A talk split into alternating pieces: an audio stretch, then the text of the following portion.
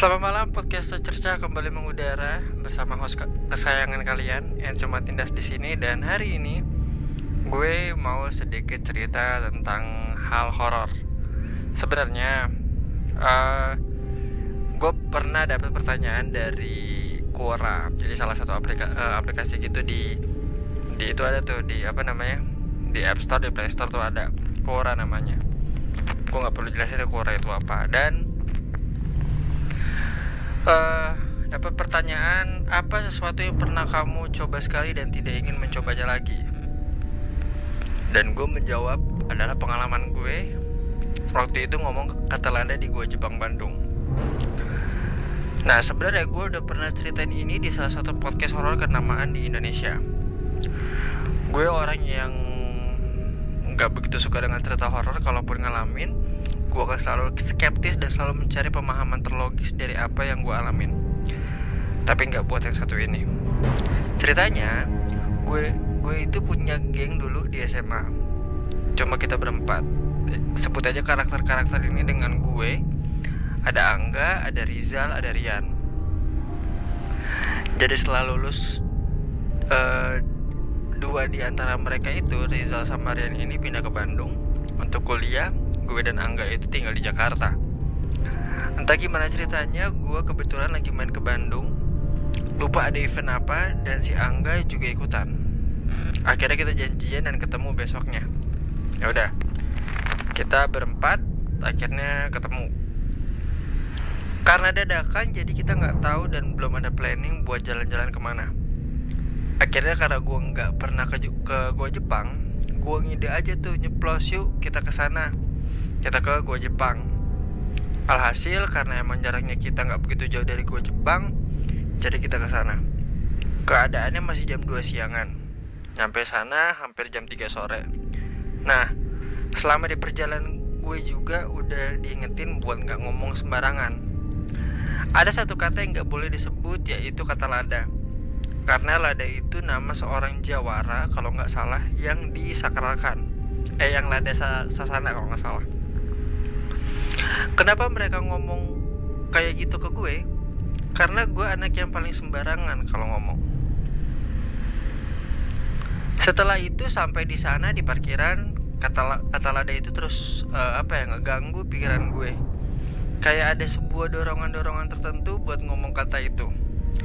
Gue berusaha untuk sekalm dan mungkin mengalihkan pikiran gue untuk nggak sembarangan karena menurut Rizal teman gue ini bisa berdampak sangat fatal.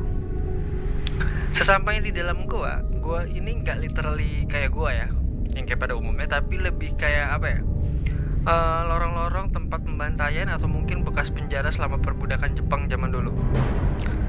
Emang remang-remang sih tempatnya dan dan nggak begitu terang tapi nggak begitu gelap juga. Um, kita jalan-jalan muter-muter ya kan keliling-keliling tiba-tiba papasan sama uh, satu keluarga sepasang suami istri sama dua anaknya yang masih belia keluar dari samping kiri tiba-tiba nge kita berempat. Bodohnya gua entah sengaja atau enggak mengeluarkan kata tersebut dan cukup keras. Di sini suasananya yang tadi adem mendadak jadi sumpek. Karena kita nggak mau ada hal-hal bodoh terjadi akhirnya kita pulang ke tempat Rizal di Cibaduyut. Kebetulan belum gelap-gelap banget kita masih sempat makan di daerah Braga Sampai di rumahnya Rizal masih cukup ramai alias masih jam 8an Belum belum belum malam-malam banget kan? Nah singkatnya gue lagi di ruang tamu Rizal Di rumah itu ada kita berempat Sama beberapa keluarganya Rizal. Salah satunya ada adiknya Rizal. Kita sebut aja Ica.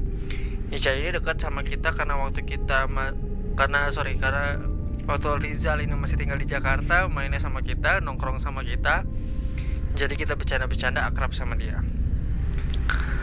Lagi ngobrol asik-asik tiba-tiba si Ica ini diam gak gerak. Cuma kita belum notice sama sekali. Kita notice pas dia nunjuk gue dengan bahasa Sunda yang kasar ngomong kalau gue lancang gue gak sopan dan gue harus dibunuh. Akhirnya dipanggil lah ustadz atau orang pinter buat tenangin dia. Nah seremnya adalah ketika dia kesurupan dan mau ditenangin dia ngeronta ya mau nggak mau ditahan tubuhnya sama 8 orang. Dan 8 orang ini badannya gede-gede. Tapi masih nggak mampu buat nahan. Setelah pertarungan batin berjam-jam akhirnya udah tuh kelar semua udah merasa aman anaknya disuruh istirahat ditemani kedua orang tuanya. Kita semua tidur dan istirahat karena udah nggak boleh aktivitas apa-apa lagi.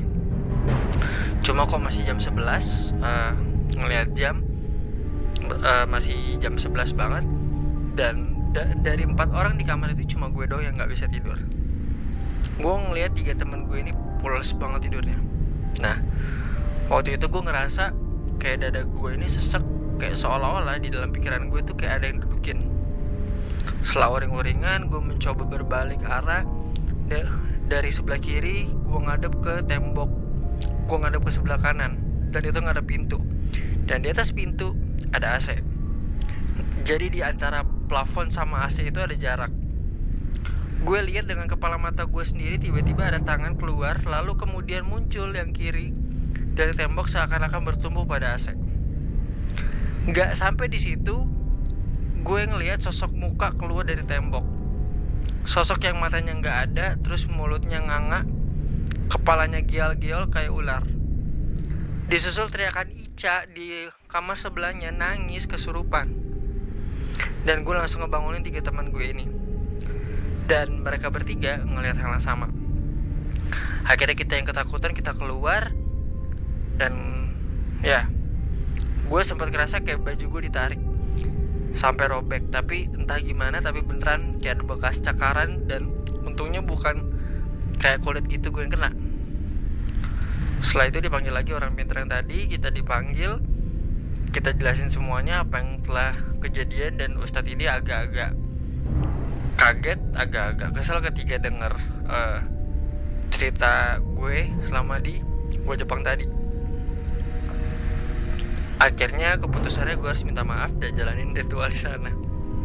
Dan pada malam hari itu uh, eh, gue ke gue Jepang lagi buat uh, sekedar apa ya netralisir gitu deh. Nah itu sih cerita gue uh, di podcast secercah hari ini. Nah kalau ditanya ritualnya seperti apa jadi ritual itu gue kayak dimandiin kembang terus nanti ada kayak doa doa gitu.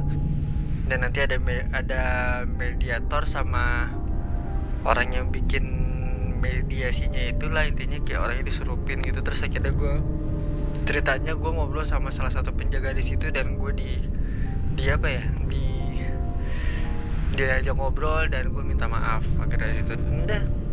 Oke setelah situ gue sempat setelah kejadian itu gue sempet sakit selama tiga atau empat hari mungkin.